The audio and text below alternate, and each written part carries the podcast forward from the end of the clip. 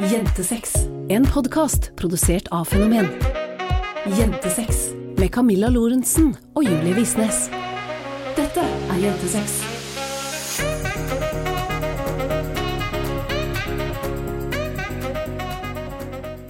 Hallo, alle sammen, og velkommen tilbake til en ny episode av din favorittbeste favorittpodkast, nemlig Jentesex, hvor du møter meg, Camilla Lorentzen. Og meg, Julie Visnes. Og i denne podkasten snakker vi om sex, seksualitet, samliv og selvfølelse oss jenter imellom. Og akkurat i dag så skal vi ha en episode som jeg skal helt ærlig si at jeg gruer meg litt til. Fordi vi skal snakke om hvordan forholdet vårt starta, og det er jo en episode vi kanskje har sniffa litt innom her og der, men vi har jo ikke nødvendigvis gitt dere fullt innblikk. Fordi, hvis jeg skal være helt ærlig, så syns jeg at det er en litt sånn skambelagt ting å snakke om. eh, Og det skal vi jo komme tilbake til senere. Og dere som er nye her, skjønner jo da sikkert nå at eh, Julie og jeg er kjærester. Vi er faktisk forlova.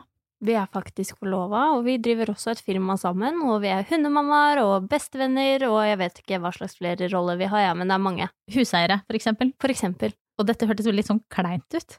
Vi Men er gjør det ikke alltid det, da? Jo, det Den er derre introen hvor du sier favoritteste favorittpodkast, verdens beste podkast hver gang, det er, den er jo litt klein. jeg er jo klein. Men Så- det står vi godt i. Det står jeg godt i, ja. Det var det jeg skulle si. Men eh, da tok du den. Men før vi kommer så langt, eh, Visnes, hva har skjedd siden sist? Kan vi bare starte podkasten med å fortelle at du gikk til negledama di og eh, skulle legge negler, og var så sjukt fornøyd, fordi at du er jo dritglad i gul, og du er også kjempeglad i blå, og så skulle du legge disse gule pastellneglene dine, og så fant du ut at det, ja, det så jo litt påske ut med bare gult, så da bestemte du deg også for å legge inn litt blå. Og jeg var så fornøyd, altså. altså jeg, jeg tror ikke du skjønner, jeg bare så på disse neglene og bare fy faen så fine de er.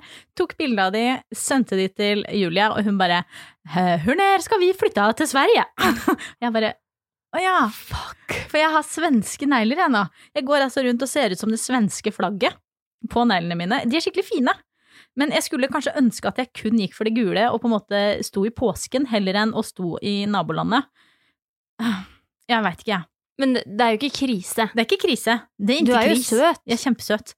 Og det, det er jeg. Ja. Og, men det, det her er jo sånn jeg er. Ja. Det der er jo sånn jeg alltid gjør. Jeg tar på meg klær òg. Så plutselig er det noen som lurer på hvorfor jeg ser ut som det danske flagget. Ja. Ikke vet jeg, fordi jeg Det er er ikke bra. fargeblind. Nei. Jeg er også veldig holdt på å si fornøyd med Jeg var jo i en liten disputt med hun eh, negledama. Nei da, hun var Jeg vil bare kjempehyggelig. unnskylde at Camilla snakker så fort og Oi. Hun Eh, er veldig nervøs akkurat nå. Det her er sånn Camilla blir hver gang hun er ukomfortabel eller nervøs. Eh, velkommen til eh, deg. Det var lenge siden jeg hadde sett deg. er jeg sånn igjen nå? Ja. Jeg jeg fikler med håret mitt òg, ser Ja. du det? jeg syns ikke dette er så gøy, men la oss prate videre om neglene mine, for det går fint. Jo, fordi eh, hun lurte jo på eh, hva slags design og sånn jeg ville ha, og så sa jeg jo at jeg gjerne ville ha sånn mønster og da-da-da. Hun bare 'det blir kjempefint', og så 'hvor lange vil du ha de?' Og så sa jeg jo at jeg ville ha de helt korte. Og hun bare Oh 'why do you want them short?' Like, don't you want to have like long nails if you want to have designs and everything, så må du liksom ha lengde på neglene. Og jeg bare 'nei, men jeg må ha de korte'. Og hun bare 'det er ikke noe vits at du tar korte når du kan ha lange'. Og jeg bare "Um, I'm in a gay relationship. Og hun bare åh. Og jeg bare mm. Og hun bare ok, kanskje vi bare skal ta én farge, da. Så jeg fikk eh, korte lesbiske negler eh, Ja. i svenske farger, noe jeg er på en måte strålende fornøyd med. Det kan jeg godt forstå. Det fungerer i hvert fall godt på hjemmebane. Ja, ja. Ja, ja. Hvordan føles det å være tilbake i podden nå etter en uke pause? Du har jo egentlig ikke hatt pause. Eller jo, du har jo hatt pause. Jeg har hatt pause i Du spilte jo bare inn tre minutter forrige uke. Forrige uke satt jeg jo Jeg satt faktisk bare foran skapet. Vi har et skap som vi har podkastutstyret inni. Jeg gadd ikke å ta det ut engang. Jeg satte meg liksom med beina under skapet, lente meg inn og spilte inn episoden inni det lille rommet der for å fortelle at det ble en uke fri. Fordi du har jo ikke hatt det så sykt lett siden sist. Jo, altså siden sist så har det jo faktisk blitt litt bedre. Eh, men uka før eh, forrige pod egentlig skulle spilles inn, eh, var tøff. Eh, noe mye angst og mye drit og mye skit. Um, og vi prøvde jo å spille inn podden en del ganger, men um, det gikk ikke. Noe selvfølgelig som er til Jodels store fortvilelse. Fordi hvordan kan jeg droppe å spille inn podkast samtidig som jeg legger ut bilde med vulgære topper på Instagram. Hvordan How dare I? How the fuck dare I? Det er som at de har på en måte full innsikt i livet ditt og psyken din. Ja, men altså, jeg skulle gjerne snakka med de. Fordi at hvis de har så stor forståelse for hvordan min angst fungerer, så vil jeg gjerne vite det. Ja, sant, for det hadde jo hjulpet oss ganske mye. Ja, For jeg skjønner det jo fortsatt ikke. Nei. Jeg går jo i, i salaten hver eneste dag. Ja. Så, så tr- tråkker jeg hodestups ned i den. Jeg faller. Ja, ja, men you and me both. Så det hadde vært veldig fint Om dere kan step forward. hvis Jodelfantomet kunne ta seg litt av tur inn i mine DMs og liksom forklart meg en hel haug, fordi da kunne jo livet vårt blitt veldig mye Ja, enklere. det var sluppet angst, da. Å, det hadde vært deilig. Mm. Åh, ingen pusteproblemer, ikke noe vondt i brystet, ingen krangling, bare liksom fryd og gammen. Ja, sjukt. Og det hadde vært deilig. Ja. Så, så vi, det vi egentlig prøver å si, er at vi er kjempenysgjerrige eh, på hvem som har skrevet dette på Jodel. Ikke pga. at vi skal hate på dere, men fordi vi trenger fysisk Altså We råd. need you! Vi trenger jo råd, siden dere alle har, vet ikke jeg, en mastergrad i psykologi. Sikkert en profesjonsgrad, faktisk. Ja, mest sannsynlig. Og i Julie Visnes Og sin kan angst.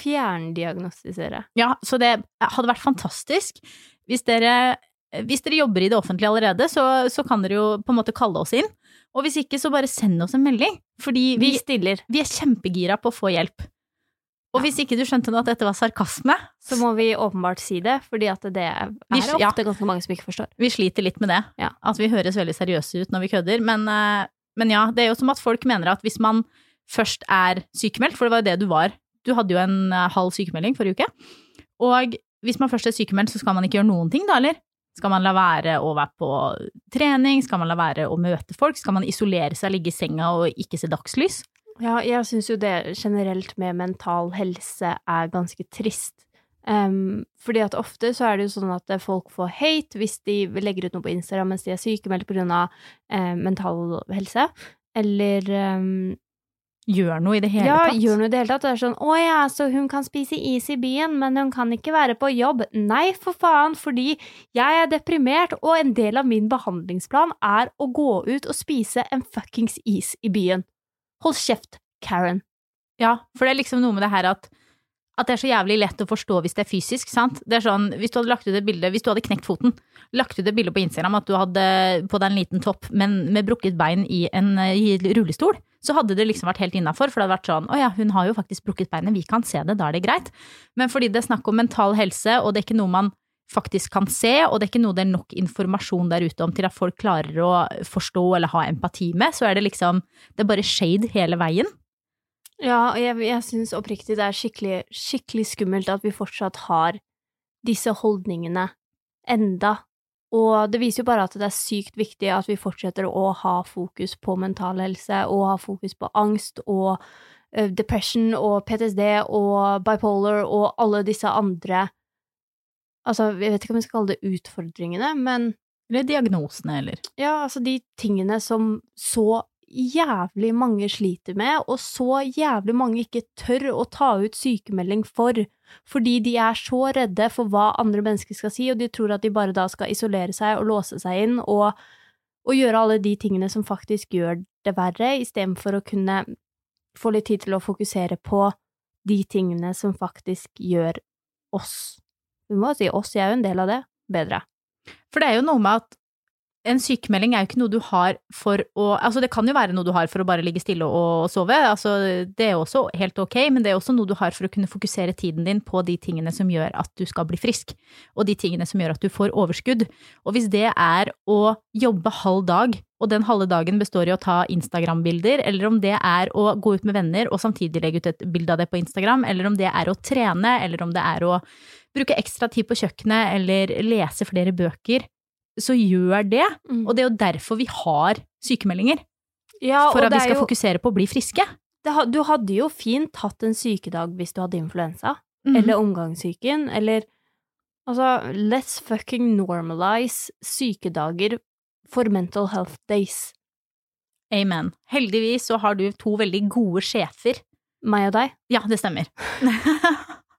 Som heier på deg og syns at det er fantastisk Å, takk. at du bruker på en måte den energien du har tilgjengelig på jobb, og den energien du har tilgjengelig på deg sjøl og på å bli bedre, og på å gå til psykolog, og på å være i aktivitet, og på å prøve så godt du kan å spise måltider litt mer regelmessig enn en gang om dagen, og alle disse tingene som vi vet at skal til for at du skal ha det bedre. Ja. Og det er jo det som er det viktige. Og så får Jodel hate. Det fine var jo at kommentarfeltet på den jodelen, Det var prima. det var oppe og nikka. Jeg hailer Hailer. Jeg hailer, og jeg vet ikke hva det betyr engang. jeg. Hyller. Ja, det var det jeg skulle si. Ja. Jeg hyller alle de som har kommentert under der, og jeg Det setter jeg pris på, ass. Når folk liksom har ryggen min. Og jeg, Helt tenker, anonymt. og jeg tenker også at alle de som har kommentert under der, de tok sarkasmen vår helt fint, fordi der var det mye sarkasme ute og gikk. Ja. Og det liker vi. Ja. De, Ja, Til ja. dere som er nye i denne podden, så må vi bare få lov å si at eh, sarkasme er på en måte en gjenganger her. Og det er noe som kommer til å gå igjen alltid. Kan du shippe meg soloen, og så kan vi kicke i gang med Jeg vet ikke tenkte om vi skal kunne kalle snakke det litt. dagens tema, men jeg vet, tenkte vi kunne snakke litt mer om mental helse i dag, jeg. Nei, vi snakker om dagens tema, Camilla. Det hadde, Der var åpnet sola. soloen seg, ja. Nei, det hadde vært fint om vi kunne Det er veldig blå himmel ute, og nå er det også litt skyer. Og det har regna, men nå regner det ikke lenger. Ja. ja. Hvor Så starter man da, Loris? Jentesex. vi starter en høstdag i 2017. Stemmer det? Ja, Var det da vi men- møtte hverandre? ja, Det men- er ikke det vi skal snakke om. Nei. Det er vel Vi ikke skal det jo vi skal snakke snakke om- om. Når vi begynte å ta hverandre på tissen, er det det går på her, er det ikke?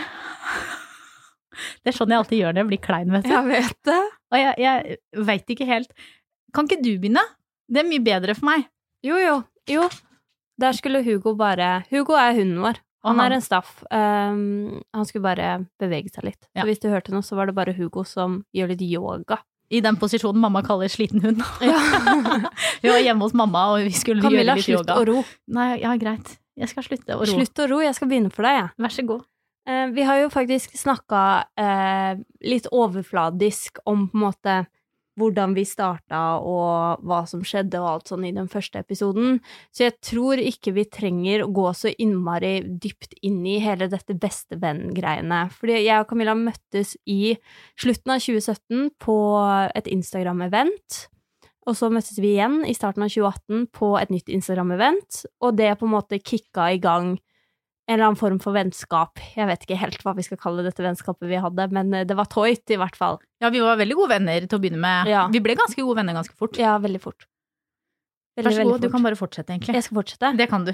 Ehm, og så eh, begynte vi jo å henge en del. Vi hang eh, masse sammen ehm, hele den våren i 2018, og også utover mot høsten, men ikke noe sånn Altså noe mer enn noe overfladisk type. Altså det var ganske overfladisk helt frem til slutten av 2018, når jeg begynte å jobbe for deg. Var det da du begynte å jobbe for meg? Ja.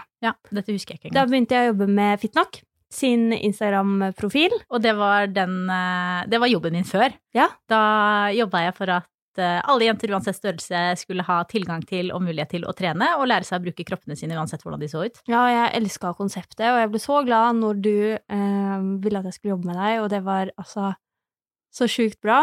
Så i våren, i våren, på våren i 2019, eh, så møttes vi ganske regelmessig for å på en måte diskutere Instagram og lage noen reklamegreier og alt sånt her, og så gikk vi første gang liksom på privaten ut på fest på Pride i 2019. Da, da sminka du puppene mine. Ja. Det husker jeg. Det var sikkert en intens opplevelse for deg. Nei. Jo, men det tenker jeg. Jeg var jo da eh, Herregud, vel vitende om at jeg var heterofil. det var jo mine glade tider som heterofil. Eh, Det var jo veldig fint for meg da. Men det må jo ha vært veldig fint for deg å bare se på og ta på puppene mine. Jeg syns jo du hadde veldig fine pupper, Det skjønner jeg. men det var ikke så veldig mye mer enn det. Var det ikke? Jeg syns jo alle pupper var ganske fine da. Nå Du ble- syns jeg bare dine pupper er fine. Det var bra, det var det jeg skulle spørre om. Eh, Men du ble ikke litt gira, liksom? Nei. Når du satt der foran meg, og jeg satt med puppene ute, og du skulle Nei, nei, sminke vi deg. kan snakke om når jeg ble gira. Det kan Mm. vi snakke om etterpå. Etterpå, ja. Mm, Eller nå. Eller nå, fordi det er jo snart. Fordi at det, ehm, på slutten av sommeren så dro vi på en jobbtur til Lillesand. Sammen med Maria og Helena. Ja, som vi jobba med i Og da hadde jo hele Fitnok blitt til Spis, tren, tenk. Som da var det konseptet du drev med da. Ehm, og da sov vi i samme seng. Ja. Eh, Vi og- var ute på byen først. ja, ja, vi sov Eller- sammen når vi kom dit òg. Ja, det gjorde vi kanskje. Og så var vi ute i Lillesand på en sånn eh, Var det noen festivalgreier? det var et eller annet hvor vi i hvert fall. endte på en båt på nachspiel. Og Julie skulle altså plutselig bade naken med en eller annen dude midt på natta. Jeg bare ja, ja, jeg blir med. Jeg husker du tok av deg toppen at jeg syntes du hadde veldig fine pupper, men også var fryktelig lite selvhøytidelig. Fordi når jeg har nakenbada tidligere, så har jeg på en måte stått og holdt meg for, mens du bare sto der, du. Rett opp og ned. Du hadde på truse, da. Med henda ned langs siden og puppene dinglende ute. Så jeg bare ja, ja, ja, hvis hun gjør det, så kan vel jeg gjøre det òg. Så da gjorde jeg det samme. Og det turte jeg bare pga. deg. For ellers ikke så hadde jeg aldri gjort det. Og så hoppa vi i vannet, og så skulle Julia opp, og du staura altså det kneet ditt noe så grassat inn i bryggekanten at det Ja. var blod overalt. Så da dro vi hjem. Da dro vi hjem. Ehm, og når vi kom hjem da, så lå vi ganske tett. Og det gjorde meg ingenting. Det gjorde ingenting. Det gjorde meg ingenting. Jeg var ganske full da. Ja, du var veldig full og veldig naken og veldig inntil tissen min. Var jeg det? Ja. Det husker jeg ikke. Nei, nei, nei, det er selvfølgelig ikke. Du var jo driting, så du nettopp bælma i deg en hel sånn her kartong med yoghurtnøtter Ja, det hadde jeg. og la deg i senga og bare Men jeg var ikke negativt innstilt. Men det var ingenting som skjedde, altså. Eh, ingenting skjedde. Og så Bortsett fra da Helena og Maria kom brusende inn, og du ble veldig redd og benyttet Det var dagen an- før. var det dagen før, Ja. og benyttet anledningen til å ligge inntil meg. Ja. Det husker jeg. Hater du det? Jeg husker ikke. Jeg har ikke så mange tanker om det, egentlig. Nei. Det Du var er sikkert... veldig ukomfortabel, du. Nei, ikke ennå. Er du ikke? Nei. Nei, ok. Nei, i hvert fall. ehm, og så eh, hang vi sykt mye ehm, etter det. Mm. Fram til KK-mila. Det var i september. Da var vi på hotell sammen igjen, og da var vi ute sammen med Tonje på lørdagen. Og møtte Jimmy. Jimmy er en fyr som vi da møtte den dagen. Og han Eh, heter ikke Jimmy. Han heter ikke Jimmy, nei. Eh, Det var bare kallenavnet hans. Og det er veldig morsomt at huden vår nå heter Jimmy. Ja, det er jo bare derfor, nesten. Ja. Eh, Men ja. Og så eh, kyssa vi litt og dansa litt, og vel vitende om at jeg var lesbisk, så gjorde jeg likevel dette. Um, og så gikk vi hjem, og så skulle vi egentlig spille inn en sånn her drunk Q&A. Dette husker jeg ikke. Gjør du ikke? Nei. Kyssa vi da? Ja. Er det sant? Dette, nei, jeg, jeg kødder ikke. Jeg husker det ikke for fem flate Du øre. har det jo på film! Hva? At vi kysser? Ja! I september? Ja! Hæ? Ja, det, det beklager jeg, for dette må jeg jo huske, for det er jo vårt på en måte første kyss eller noe. Men det det, var ikke så veldig bra kyss, men nei, det tror jeg på. Hvor kyssa vi? I senga. Når vi skulle spille inn drunk Q&A. Å, jeg, vent, jeg har en erindring. Da var jeg veldig full. Vi var begge veldig fulle. Ja. Uansett, Du så visste at du var lesbisk? Ja. Du gjorde det likevel, var det det du sa? ja, Nei, jeg kyssa jo Jimmy på Horgans, og så kyssa jeg deg når vi kom hjem. Uansett, hvert fall, så sa jeg at det- den her Q&A-en kan vi bare drite i, og så gikk jeg og pussa tenna mine, du gikk og pusset inn tenna dine. Em, vi la oss i senga, og så lå jeg inntil deg, og du spuna meg, og så tok du et bilde av oss og kjen- sendte det til kjæresten din. For sånn var jeg. Eh, ja. Ja. Em, og etter du gjorde det, så bare tenkte jeg liksom ok, men I'm backing off, fordi this is too nice. I'm very into this. Hva mener du too nice? At jeg likte å kysse deg for mye. Å ja. Skjønner å forstå. For jeg, bare- visste jo, jeg visste jo ikke da at du hadde et åpent forhold. Nei, nei, det visste du ikke i det hele tatt. For du hadde ikke fortalt det til meg. Nei. I hvert fall, dagen etter KK-Milla så eh, var det noe greier som skjedde hjemme hos meg. Em, så Camilla tvingte meg til å flytte inn.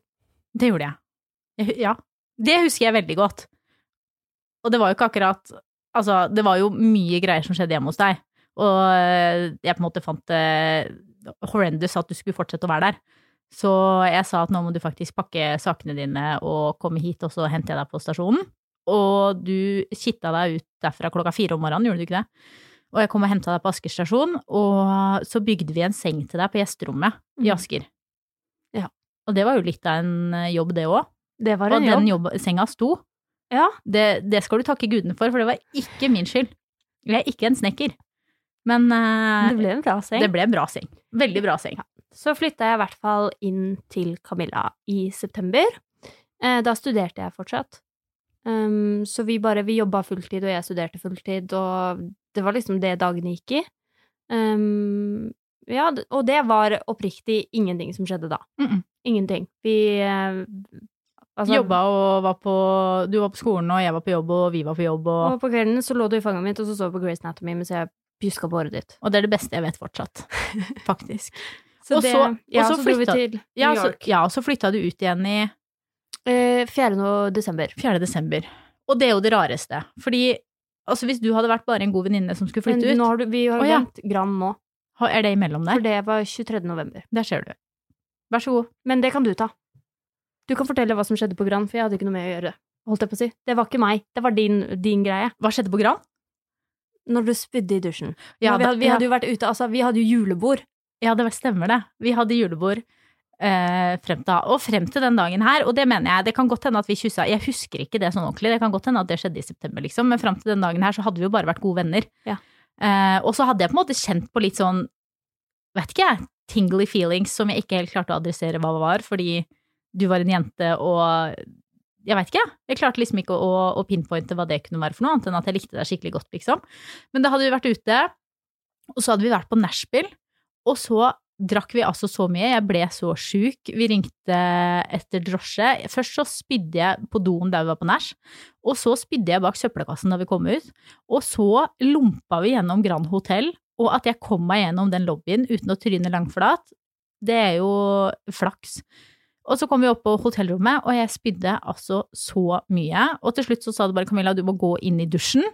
Så jeg vet ikke, jeg vet ikke om det var du som kledde av meg, eller jeg som kledde av meg. Du kledde av deg. Ja, og så hoppa jeg inn i dusjen og satt der og spydde fram til jeg var helt tom i magen.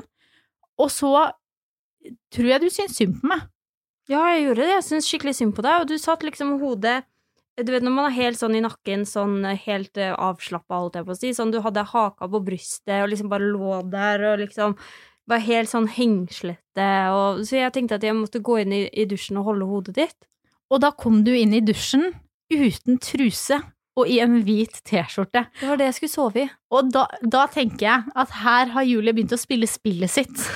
Jo, det er faktisk, men det er faktisk helt opp- sant, at det tenkte jeg ikke over i det hele tatt. Fordi det, Det- eneste jeg hadde i hodet mitt, var your well-being, og at du spydde overalt. Jeg du var ikke tenk- sexy, Camilla. Nei, det tror jeg på, men det var du. og det tror jeg er første gangen noensinne at jeg tenkte at du var skikkelig deilig. Det var litt vanskelig for meg å fokusere på det eh, mellom kasteopperiene mine, fordi de var intense. Jeg tror aldri jeg har vært så sjuk noen gang. Men da husker jeg at du kom inn i dusjen, og så fikk jeg en sånn følelse i kroppen av den derre Skal jeg gjøre noe nå? Du vet når du liksom står liksom litt for tett inntil noen, det er litt for mye spenning, og det er litt for mye greier som på en måte skjer til at du bare kan tenke at her står det en person, og her står det en person, og vi er venner. Så jeg tenkte sånn Skal jeg gjøre noe nå? Liksom, kan jeg kysse deg nå? Men så hadde jeg jo kjeften full av spy, da, så det hadde jo ikke vært veldig sexy hvis jeg hadde gått for det. Men da, da følte jeg sånn skikkelig på at jeg hadde lyst til å kysse deg. Men jeg turte jo ikke det nå. Nei, jeg tenkte ikke noe over det i det hele tatt, og jeg ante jo ingenting om at du følte det sånn den kvelden før vi var kjærester, typ. Jeg tror ikke jeg sa det før i juli Nei. året etter. Sånn uten å kødde, liksom. Nei. Nei, men det var, ja. eh, ja, det, det- det tok litt tid for meg å prosessere akkurat den følelsen der, for det var første gang noensinne jeg nok følte på at jeg var forelska i deg, tror jeg. Og jeg burde jo ikke vært forelska, jeg var jo i et annet forhold og alt mulig sånn, men eh, ting skjer, og man kan jo ikke alltid styre det. Men det var Ja, vi snakka jo masse i første episode om at jeg ikke klarte å identifisere følelsene mine, men jeg tror at hvis jeg hadde fått noe tilsvar på følelsene mine da, så hadde jeg skjønt det mye tidligere, vet du. Men, men ja, jeg tror det var liksom aller første gang jeg kjente på noen ting. Mm. Og så flytta jeg ut. Uka to, to Halvannen uke. To uker ish etter. Og det var mye grining. Og vi grein altså så mye, noe som var jævlig rart, fordi du skulle jo endelig få huset ditt for deg selv, liksom, og jeg skulle flytte i studentboligen min rett ved siden av skolen, og, og det kom til å være skikkelig bra, og, og jeg husker du kjørte meg, og vi satt i bilen og hulka. Ja. Det var helt sjukt. Og det var ikke bra. Nei. Nei, da var jeg hjerteknust. Og det var jo ikke noe godt for meg. Men i hvert fall så fortsatte vi jo på en måte jobbinga vår. Ja. Em, så jeg var jo hjemme hos deg fortsatt nesten hver dag, eh, men jeg begynte å nekte å sove over. Ja, det var lurt. Sikkert. Ja. Sånn egentlig. Ja, ja. Jeg begynte, jeg bare sånn, du bare 'herregud, bare gå og legg deg på soverommet', liksom. Du kan bare sove over, det er seint, det er null stress. Til og med etter eksamen så ville jeg ikke det. Nei. Så jeg dro alltid hjem igjen. em, og Det har jeg aldri så tenkt over. Var det for at du likte meg? Ja. Å ja. Ja, det skjønte jeg ikke før nå. Nei. Nei, nei. Men em, ja. Og så eh, feirer jeg jul med deg Og Sølve. og Sølvea, Mm. og så kom nyttårsaften. Og så kom nyttårsaften. Og det er nå jeg kjenner at jeg har lyst til å begynne å fikle med håret mitt, skjønner du? Ja. Det er nå jeg har lyst til å bare trekke meg ut og tenke, vet du hva, nå Julia, kan du ta resten av denne podkasten alene? Vi har jo nevnt trekanten på nyttårsaften en del ganger. Det har vi. Vi har bare ikke fortalt greia. Nei, Nå har du begynt å fikle med håret ditt. det har jeg. Og det skal jeg fortsette med. Men hvis du tar starten av kvelden, da, for den er jo hyggelig. Det var st- ja, men Hele kvelden var jo hyggelig. Det var jo ikke noe mistrivelig med den. Nei. sånn egentlig. Nei, på starten av kvelden så var vel jo jeg og du og Tonje som var ute. Og det skjedde ingenting i Oslo by. Jeg holdt på å si det var midt i korona, men det var det jo ikke. Det hadde jo ikke starta ennå, det da. Nei, for alle har jo hjemmefester og alt sånt på nyttårsaften. Ja, Så vi var på eh, Hva heter det? Tequila. Tijuana. Tijuana. Og drakk drinker og hadde det skikkelig gøy. Og dansa og hoia og hadde fotoshoot på biljardbordet og hadde det skikkelig morsomt. Så reiste Vi reiste alle sammen. Ja, eh, men senere på kvelden så reiste Tonje hjem. Det stemmer, det. Sånn at det var bare jeg og du som var ute. Hva gjorde vi da? Ehm, jeg skulle gjøre deg sjalu, i hvert fall. Skulle, var det det du skulle? Så jeg, den eneste fyren som du drev og flørta med, og det var jo ikke jeg som skulle gjøre deg sjalu, sikkert heller, jeg var bare dritsjalu på at du hadde den fyren, så han skulle jeg ta fra deg. Så han eh, lå jeg med utenfor utestedet. Jeg skjønte jo ingenting. Jeg sto der og dansa, og det var liksom fryd og gammen. Snudde meg rundt, og så var Julie borte, og han typen var borte. Jeg bare ja vel. Og så kommer Julie inn, og så har hun ligget med han utenfor utestedet. Du hadde gnagsår på begge knea etter å ha stått på kne ute på fortauet i Oslo Vi var litt mer gjemt enn det, altså. og blitt Sånn, pult. ja, vi, vi var mye mer gjemt enn det, kommer jeg skal Greit. til. Altså, det var ingen som hadde sjans til å se at vi sto der, Nei, men, nei, nei. Ja. men ehm, Hun var midt i Karl Johan. Og det gjorde ingenting, så da ringte jeg Jimmy. Da ringte du Jimmy. Det gjorde jeg. Ja, fordi vi gikk ut på gata, og du var så furt som faen. Fordi jeg bare Ja, men herregud, hvorfor gikk du med han? Og så eh, du trodde at jeg ble supersjalu. Jeg var jo egentlig bare jævlig irritert. Nei, jeg trodde at du var irritert på meg for at jeg hadde tatt han fra deg. Nei, nei, jeg var bare irritert for at du hadde stikki. Så jeg sto midt på dansegulvet med en eller annen latinamerikaner som altså var så oppi kjeften min at jeg holdt på å spy. Jeg bare 'jeg skal ikke danse med deg, jeg skal ikke være med deg, jeg skal ikke gjøre noen ting'. Kan du gå vekk? Og han hang altså på meg som et slips og kalte meg en Disney-prinsesse og det ene med det andre, og det var hyggelig, det. Eh, og så kom du tilbake, og da var jeg fly forbanna for at du bare hadde stikket fra meg. Jeg ga jo blanke faen i hvem du hadde pult og ikke, og da ble du furt tilbake. Og da løp du fra meg nedover veien der på Oslo S, jeg måtte løpe etter deg for å ta deg igjen. Og da ringte du Jimmy. Så lurte jeg på hva Jimmy gjorde, og han bare 'nei, jeg gjør ingenting', liksom. Og jeg bare 'ja, Camilla jeg er på hotell, vil du komme'? Ja. Ja, sa han, og satte seg i en taxi for å hente oss. Og da, men da spurte jeg deg, da. Ja. Er, du, er du keen, liksom? Har du lyst til å være med? Ja, sa jeg. Nei vel. Jeg hadde jo ikke noe annet å si. Det var jo det. Jeg prøver du å lete etter noe eh, emotions i meg nå? Nei, jeg bare prøver å få deg til å fortsette historien. Ja, og så sto vi på, eh, på hjørnet, det var på hjørnet ved Stortorget. Eh, så var det en engelskmann der som var jævlig morsom. Som drev, stemmer som det. drev og snakka, og Du ga, jeg, og så ga du også telefonnummeret ditt til han. gjorde jeg det? Og da ja, men ble jeg han var altså så kjempemorsom. irritert igjen. Ja, men jeg flørta ikke med han eller noe. Han var bare skikkelig, skikkelig morsom. Eh, og hadde veldig god humor. Og jeg trodde jo at jeg snakka flytende engelsk, som at jeg hadde bodd i England i 14 år. Jeg snakka jo sikkert som at jeg akkurat hadde vært på min første tur utenlands. Og vi hadde det kjempegøy, og jeg snur meg rundt, og du var borte vekk. Og jeg skjønte jo heller ikke da hvor du var. Hvor da hadde du tatt av deg skoene og gått og gjemt deg bak et bakhjørne? Det, hadde jeg Gatehjørne. ikke, jeg hadde prøv, jeg, det var lenge før det her. Jeg hadde, skulle prøve å fikse et taxi. Ja, du hadde Men jeg gått og hadde gjemt tatt av deg. meg skoene, og jeg hadde så jævlig gnagsår. Ja. Du gikk i hvert fall der i sokkelesten og så furt ut. Og så kom du og spurte om jeg ville være med på Trekant med Jimmy. Eller du sa vel ikke det, du sa jeg spurte om Jimmy ville komme, er det greit? Ja, sa jeg, det går fint. Og så kom han og henta oss i en taxi, Mm. og så dro vi til Grand Hotell. Vi Nei, beklager. Nei, da var vi på det andre hotellet. det var vi i hvert vi, var, fall vi ikke. var på Edderkoppen. Vi var på Edderkoppen. Den var vi definitivt. Jeg er veldig dårlig på å huske ting. Jeg var sikker på at vi var på Grand, jeg. Vi de var hadde på veldig- Edderkoppen. De hadde veldig god frokost. Ja. Ja. ja, da var vi på Edderkoppen. Og vi kommer inn der alle tre. Jeg veit ikke om han var så full. Jeg vet ikke ærlig. Det var i hvert fall vi. Søple, altså Vi gjorde ikke noe annet enn vi enn å drikke oss gjennom hele 2019, og det skjønner jeg. Det var et forferdelig år. Eh, og går opp på hotellrommet der, og det første Julie sier er 'du kan ikke lage en eneste lyd'. Det sa du. Du sa 'Camilla, du kan bare drite i å stønne', og jeg trodde jo Jeg tok jo det sånn helt seriøst som et tegn på at du var disgusted by me. Nei. Jo, Nå sannheten var at jeg nekta at Camilla skulle stønne eller ta på meg, for da kom jeg til å kaste ut Jimmy. det visste jo ikke jeg. Nei. Jeg, jeg trodde at du syntes jeg var kvalm, men at du tross alt ville ha en trekant, og da var jeg det eneste som var tilgjengelig. Imagine. Ja, men det er ikke kødd engang. Nei. Det trodde jeg. Stakkar. Ja, det kan du si. Jeg har Aldri vært så stille i hele mitt liv, jeg. Ja, så vi kom opp dit, og vi trenger vel ikke å gå i detalj på hva vi gjorde, eller? Nei. Det er ikke noe hyggelig. Nei. Fordi det husker jeg ikke, Nei. hvis jeg skal være helt ærlig. Nei, men det var liksom Sykt chill. Ja. Jimmy var sykt nice. Var skikkelig hyggelig. Og vi hadde det koselig i typ hva da, fire timer. Ja. Det var altfor lenge. Fordi da vi var ferdig, så gikk vi ned og spiste frokost. og etter det så gikk vi og la oss. Ja. Og sovnet sikkert i dyp omfavnelse og var fornøyde med det. Ja. Gjorde vi ikke? Jo. Herregud, for en kveld. Og så, Og ja, skjedde det noe mer her? en uke etterpå, så hadde jeg møtt en annen fyr. Var det Danny? Du kan ikke si navn. Ja, men han hører jo ikke på dette. Ikke han fra langt borti Vekkesand. Han er jo fra Sverige. Han aner jo ikke noe om dette. Hvis han hører på podkasten vår, så skal han få lov til det. Kan jeg ikke si Kan det? vi kalle han noe annet? Vi kan kalle han eh, Gerhard. Nei. Det kan vi godt. Vi kaller han Ole. Ja, la oss kalle han Ole. Vi kaller han Ole. Uansett så hadde jeg møtt Ole på Tinder. Og det, Um, nei, nei, nei, du må forklare hva du gjorde på Tinder først. Jeg prøvde å finne mennesker å ligge med for at vi kunne ha trekant.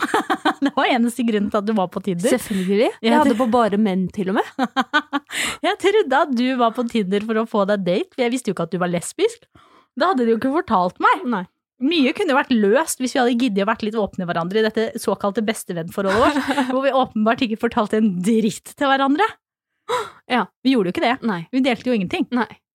Helvete ta. Ja.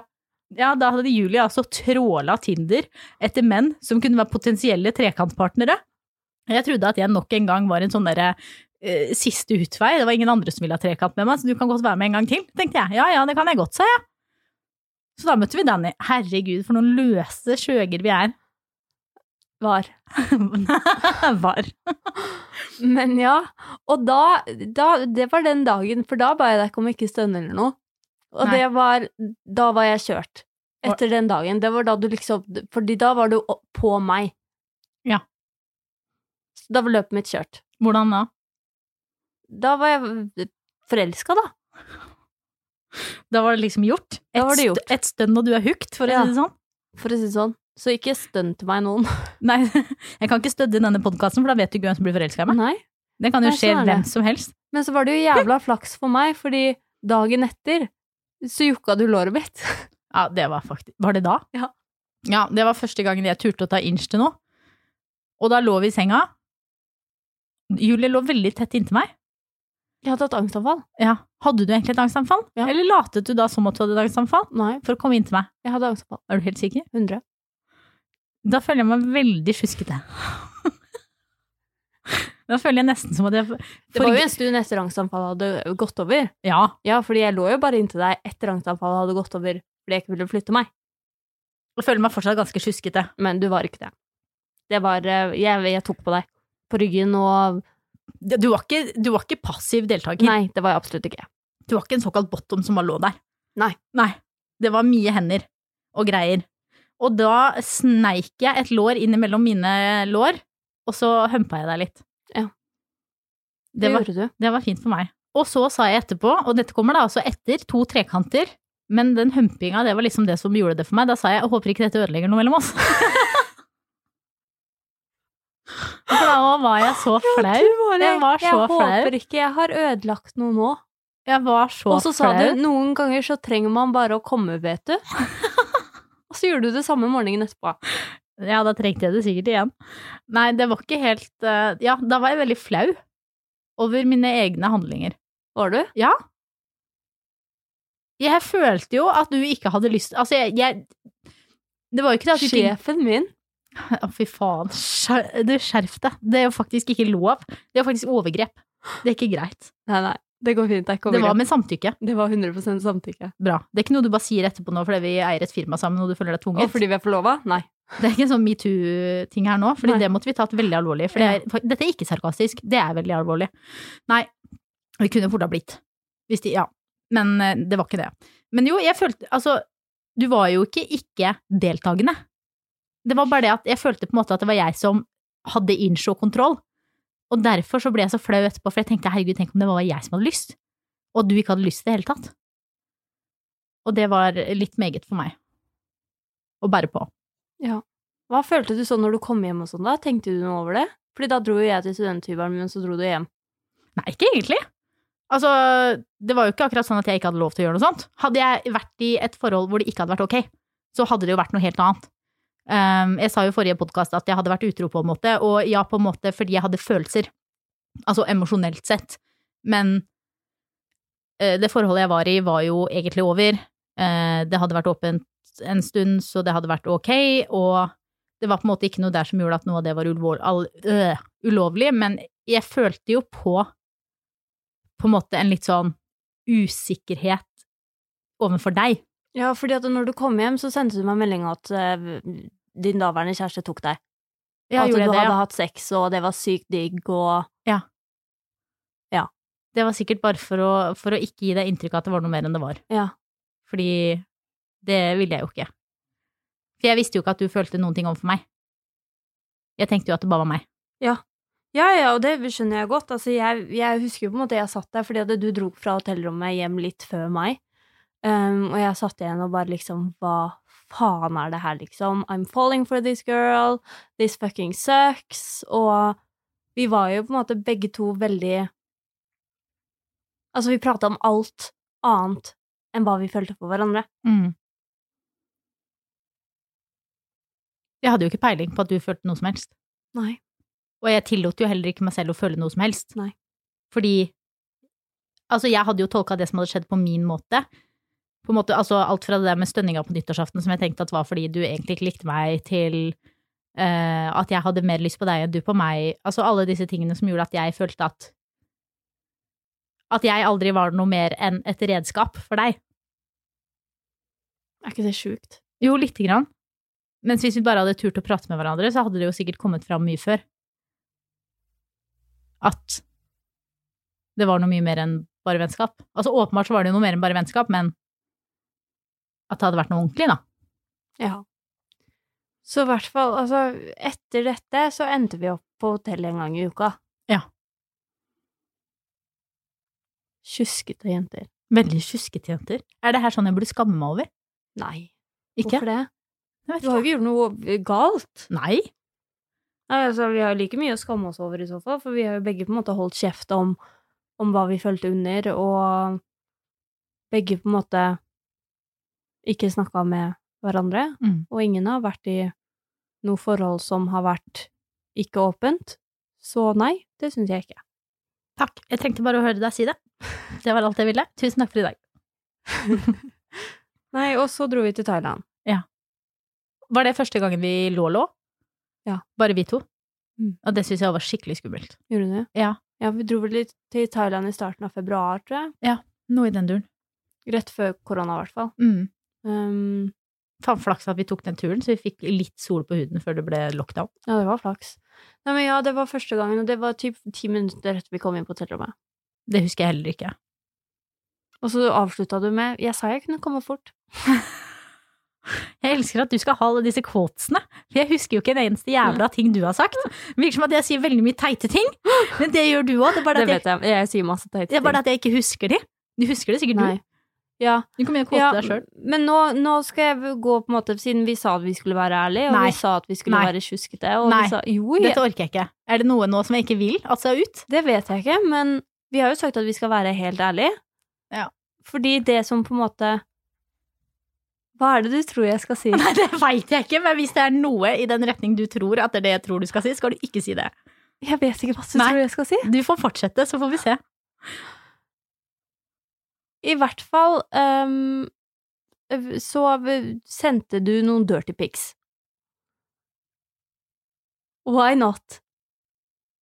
Åh, Kjør på. Ja. Som putta meg tilbake i den situasjonen hvor du var. Ja. Fordi da tenkte jeg at jeg var en person du kunne bruke til å få andre til å bli kåte. Det var det du tenkte at du var, Ja. da? Gjorde du det samme selv òg? Ja, ja, ja, jeg fulgte ditt eksempel. Var det bare derfor? Ja. Hm, der ser du. Ja, ja. Ehm, så det på en måte gjorde ting litt mer innvikla, Mm. fordi det ble bare en sånn greie hvor vi objektifiserte oss selv. Ja. Hvor vi på en måte spilte på hele denne lesbiske fetisjen. Um, fordi vi var ikke lesbiske, og vi var ikke en del av det, og vi gjorde dette bare fordi det var digg for andre. Mm. Noe som er helt twisted og helt sjukt og helt bare bevis på hva slags jævla verden vi lever i, men jeg husker at jeg syns det var liksom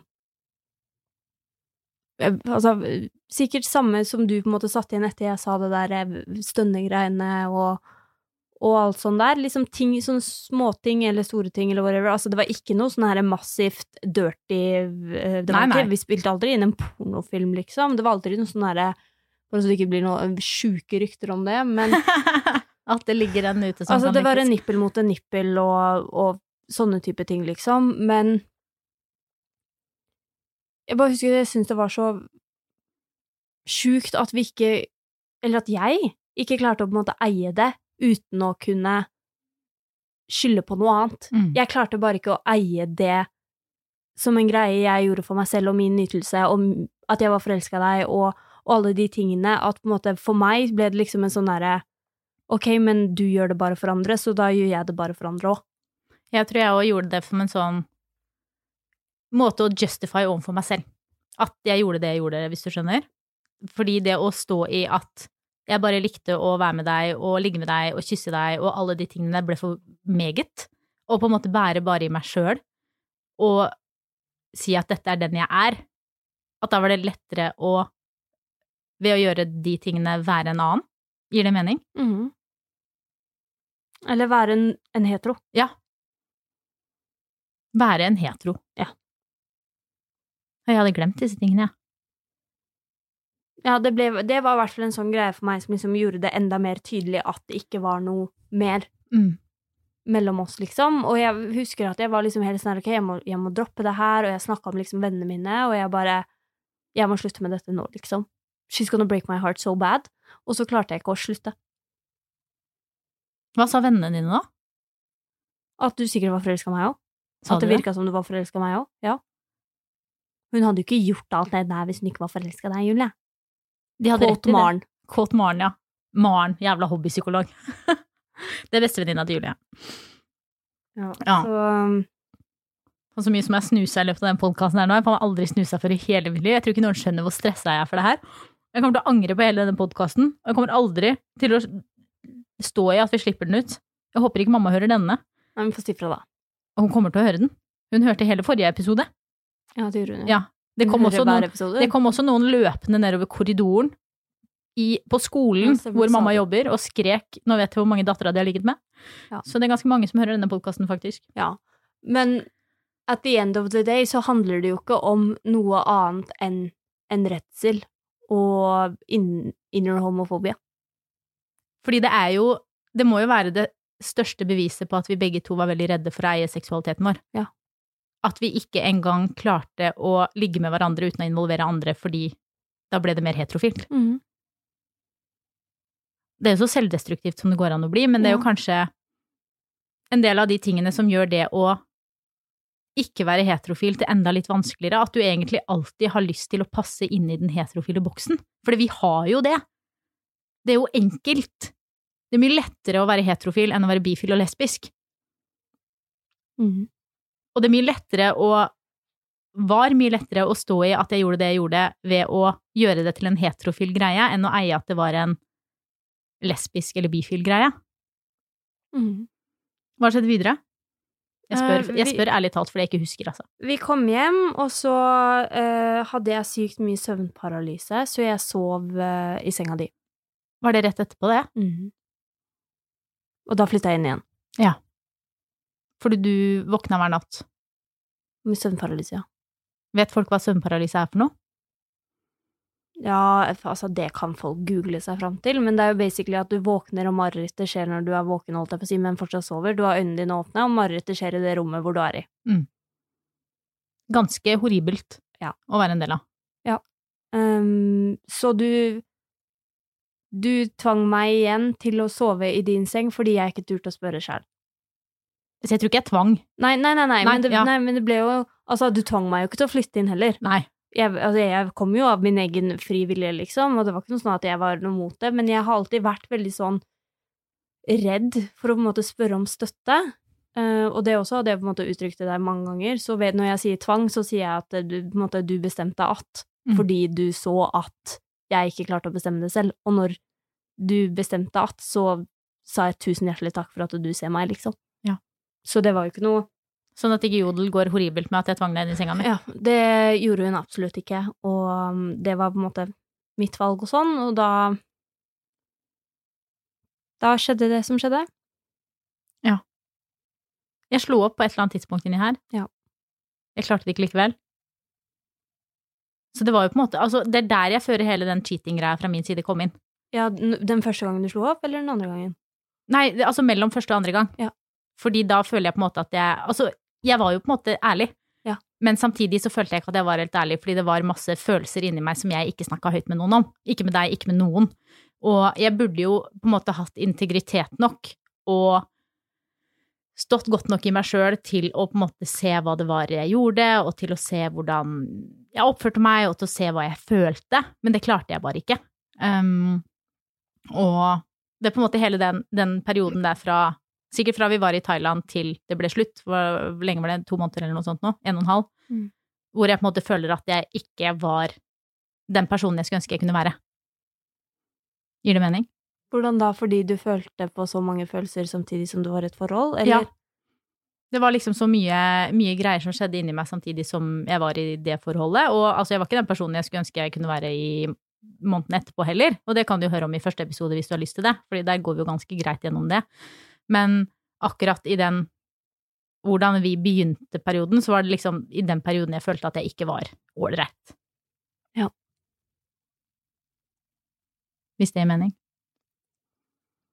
Ja, altså, jeg vet på en måte ikke hvordan det er å, å kjenne på det her med å på en måte være emosjonelt tilknytta et annet menneske enn den, det mennesket du er sammen med.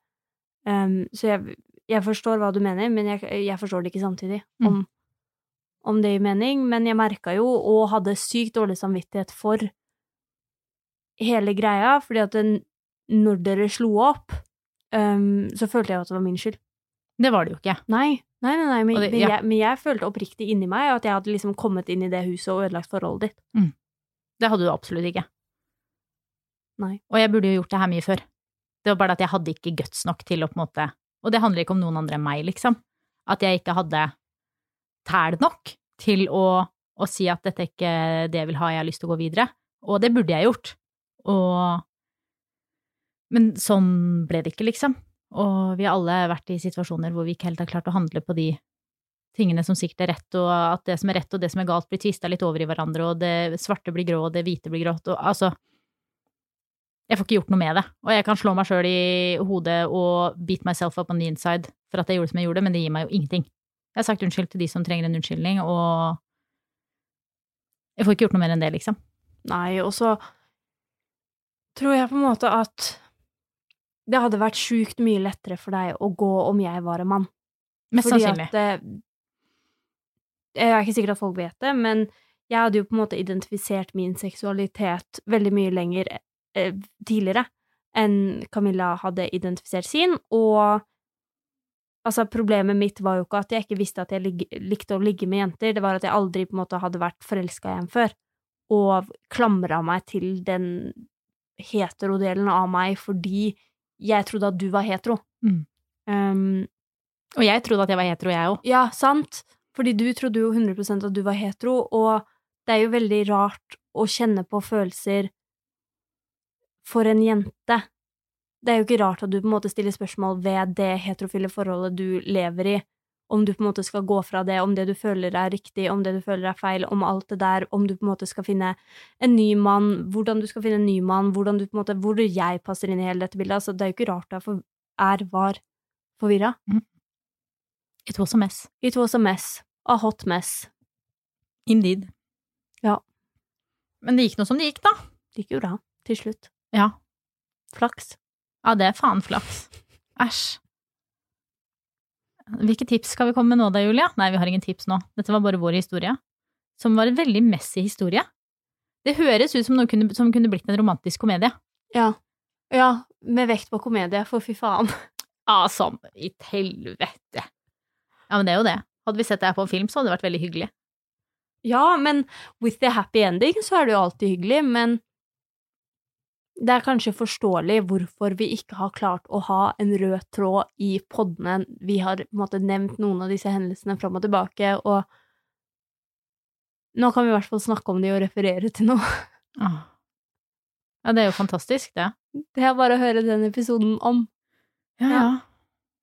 Skal vi kalle det en dag, da, eller? Er det ferdig der? Var det noe mer som skjedde etter det? Ja, men det har vi jo alt på en måte Altså, etter du slo opp, så har vi vel forklart alt i den første episoden, tror jeg. Ja. Har vi ikke det, da? Jo, jeg tror det. Med alle fram og tilbake-greiene, og jeg som skulle på date, og du som skulle på date, og bare gå og hør den episoden hvis du ikke har hørt den, fordi den er like messy som den her. Ja, den er faktisk helt horribel. I tillegg så skammer jeg meg veldig i den episoden, så jeg er også veldig Men det blir fint, da, fordi før, hvis du ikke har hørt den episoden ennå, så er det fint at du har den episoden her som på en måte erfaring, fordi eh, Camilla er ikke så veldig flink til å få fram sin side av historien i den podkastepisoden der, men den er jo mer, veldig mye mer forståelig når du har hørt denne først. Ja, det er et godt poeng. Kan du gå og høre den hvis du vil? Og vi skal over til ukens spørsmål, skal vi ikke det? Jo Vi må jo avslutte med det, selv om vi nå har prata om oss sjøl i 35 minutter. Du hører Jentesex. Ja, ja. Vi har i hvert fall ett spørsmål i dag, og det er eh, ganske langt, så det regner med at det holder med det. Men det kommer i hvert fall fra Mari, og hun sier Kjæresten min er verdens beste, og vi elsker hverandre høyt. Da vi startet å møtes, var han nysingel og ville bare ha det gøy. Men det endret seg fort da vi merket at vi hadde noe helt spesielt sammen. Samtidig, i løpet av den første måneden, hadde han veldig mange damer som han snakket litt med, samtidig som han møtte meg. Det har han vært helt ærlig på, men det dukker på en måte stadig opp ny informasjon om damer som han har prata med tidligere. Damer som melder interesse nå, og damer som han kjenner fra langt tilbake. Han er ærlig på at disse damene sender han meldinger og hva de skriver, som ikke er noe galt i og for seg, det plager meg bare at han enda har kontakt med en av damene som har meldt interesse etter at vi ble sammen, enda det bare er vennskapelig. Det er liksom litt sånn han er, snill med alle og veldig åpen. Så er det det at jeg blir sjalu, da. Det tar han fint, men samtidig føler jeg ikke at han egentlig endrer på noe. Jeg vil liksom bare føle at jeg er den eneste for han. Så spørsmålet er vel noe sånt som Jeg vet at jeg kan stole på han, men jeg sliter skikkelig med å vite at andre damer er der ute og kla- er klare for å ta ham fra meg. Hvordan ville dere ha tenkt i en sånn situasjon? Men dette kan jo ikke vi sette oss inn i, Mari. Hvordan Nei da, jeg tulla. Du skal ikke bruke denne podkastepisoden som referanse, i hvert fall. Nei. Det tror jeg ikke gjør deg veldig godt. Nei. så ikke gjør det. Eh, Vennskapelig kan faktisk bare bety vennskapelig også. Ja. Men altså, det som er flott, er jo å høre Mari si hvor åpen og ærlig han har vært om det her. Fordi altså, at han kom ut og var nysingel når han møtte henne og var litt rundt eh, på vift og her og der og opp og ned, det står jo han på en måte fullt og helt fritt til. Og jeg tenker, han skyldte ikke Mari i begynnelsen å være på en måte, nå skal jeg inn i et forhold med deg og bare se på deg. Han, hun var jo sikkert bare en av de jentene han, han møtte litt til og fra, men så merka han at det var noe ekstra spesielt der. Og at han er ærlig med det og sier når de sender meldinger og sånne ting, er jo flott. Men det er jo ikke noe kult for Mari hvis han har kontakt med en av de som hun ser på som Kan man kalle det en potensiell trussel? Ja, eller det er jo i hvert fall det den følelsen i magen sier, da. Mm. Den derre sjalu følelsen, den derre 'dette mennesket kan ta kjæresten min fra meg'-følelsen. Som for, for øvrig er helt jævlig. Ja, den er den Um. verste følelsen i verden. Ja. Og ikke bare vond å føle på, men også så jævlig flau.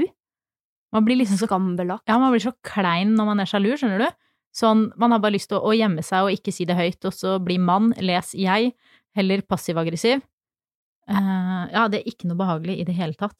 Nei. Men jeg tenker, altså, hvor tydelig har Mari vært, tror du? Fordi altså, dette med sjalu, følelsen sjalu, det er jo jævlig vanskelig å ta opp. Ja, det er jo det vanskeligste. Og i hvert fall hvis man føler at man ikke har noen Eller jeg kan merke sjøl, hvis jeg ikke føler at jeg har noen begrunnelse for hvorfor jeg tar det ut. Fordi det er jo bare vennskap. Ne- Ja, men fordi du har ikke gjort noe feil, eller eh, du har ikke ikke vært åpen, eller du har ikke hatt noen hemmelige samtaler, eller det er liksom ingenting som egentlig ligger der som jeg skal kunne reagere på, men så blir jeg likevel sjalu, så er det på en måte så innmari vanskelig å både ta det opp og si ifra ordentlig, fordi jeg skammer meg så sykt mye. Og jeg kan jo, uten at jeg skal tillegge Mari noen egenskaper her, så kan jeg jo lese litt gjennom linjene at hun føler litt på det samme. Hun sier jo liksom det er jo kun vennskapelig, han er jo helt åpen, implisitt. Jeg har jo ingenting å reagere på, men jeg gjør det likevel, og jeg skammer meg. Og da er det jo vanskelig å være tydelig med hva man føler, og hva slags type actions man ønsker at kjæresten skal ta. Men hva gjør man da, for å på en måte kommunisere det tydelig, tydelig? Sånn rett fram tydelig? Det man sikkert burde gjøre, er å sette seg ned og ta en prat, men det er jo ikke jeg veldig god på. Nei, det er det ikke. Så jeg, ikke jo, men på alt annet enn sjaluting er du det, men Ja. akkurat den sjaludelen jeg kan er være det ikke på så lett. sjaludeler etter vi har snakka om det litt òg. Ja. Bare ikke med en gang, fordi da er jeg så up in my feels. Er du god på det? Nei. Nei. Så vi er ikke noe gode på det, noen av oss. Nei. Men å sende en tekstmelding er jo ikke dumt. Og hvis Mari kjenner at det er vanskelig å på en måte bare sende den blunt ut av ingenting, så går det jo an å på en måte sitte litt på gjerdet og vente, hvis hun har lyst, til denne jenta eventuelt tar kontakt igjen, og så sende en melding og si du, jeg føler meg skikkelig teit eh, når jeg skriver det her, men jeg syns det er skikkelig ubehagelig at du har kontakt med henne, for jeg vet at dere har flørta tidligere, og at dere på en måte har hatt en greie, og jeg sier ikke at jeg ikke stoler på deg, men kan du være snill og ikke snakke med henne igjen? Men tror du det kan være en idé å på en måte type ut meldingen i notes først? Sånn at den Når er man- klar? Ja, sånn at man ikke typer den ut når man er in my feels. Sånn at Mari skriver det nå, Ja, Og typ så bare skriver den, og sender så den. sender den når hun er klar for det, typ. At eh, det blir en For da blir det så rasjonelt og ekte og ærlig, og ikke eh, clouded by eh, anger og sjalusi og alle disse følelsene som gjør at man kanskje kan bli litt passiv-aggressiv. Det var ikke en dum idé i det hele tatt. Vet du hva, det syns jeg Mari skal gjøre.